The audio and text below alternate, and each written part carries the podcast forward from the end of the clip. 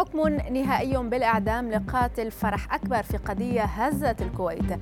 اعتقال أبو كيان صاحب إعلان بيع المخدرات في مصر.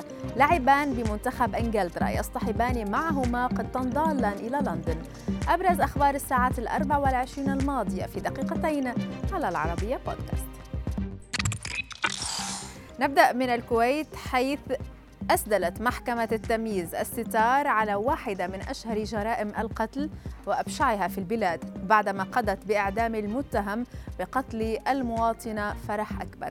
صحيفة القبس المحلية أوضحت أن محكمة التمييز ألغت حكم محكمة الاستئناف القاضي بالحبس المؤبد فيما كانت جريمة قتل فرح تحولت إلى قضية رأي عام. حيث أقدم المتهم وهو عسكري يعمل في وزارة الدفاع على ملاحقة الضحية حيث قطع الطريق أمامها وحاول خطفها ثم قام بتسديد طعنات بالسكين في صدرها ما أدى إلى وفاتها.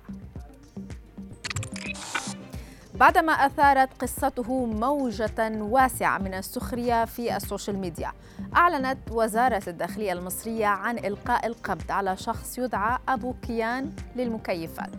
تقارير أوضحت أن قصة أبو كيان بدأت عندما نشر إعلانا عبر مواقع التواصل مصحوبا بعنوان ورقم للتواصل لبيع خمس أنواع بالجملة والتجزئة ليثير ضجة واسعة في مصر.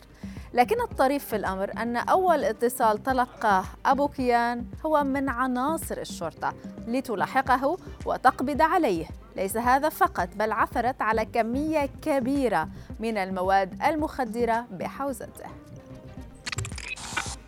إلى بريطانيا هذه المرة حيث تضررت أجزاء واسعة من البلاد بسبب الجليد والضباب والثلوج مما أثار حالة من الفوضى بين المسافرين على الطرق وفي القطارات والمطارات أيضا.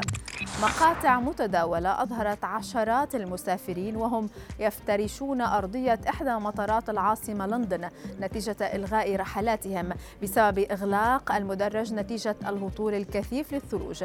فيما ذكرت هيئة بي بي سي أن أكثر من خمسين رحلة ألغيت في مطار هيثرو الذي يعد أكبر مطارات العاصمة البريطانية بسبب الضباب والجليد. نبقى في بريطانيا حيث وجه عدد من المفكرين السياسيين والمؤرخين الملكيين تحذيرا إلى الأمير هاري وزوجته ميغان ماركل مفاده لا تحضر مراسم تتويج الملك تشارلز الثالث.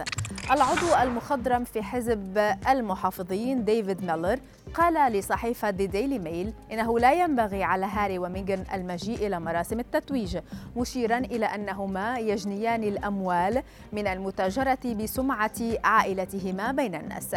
فيما قالت المؤرخة الملكية أنطونيا فريزر إنها تأمل في أن يلزم الزوجان منزلهما حتى لا يجذبا الانتباه بعيدا عن الملك تشارلز والسيدة كاميلا.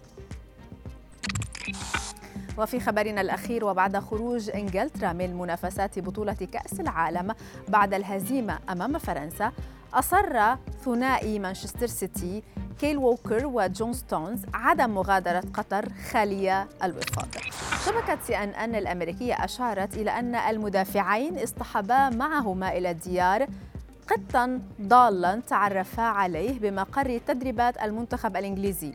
لافتة إلى أن القط الذي آه، أطلق عليه ستونز اسم ديف سيقضي أربعة أشهر في حجر صحي قبل أن ينضم مجددا إلى ثنائي السيتي.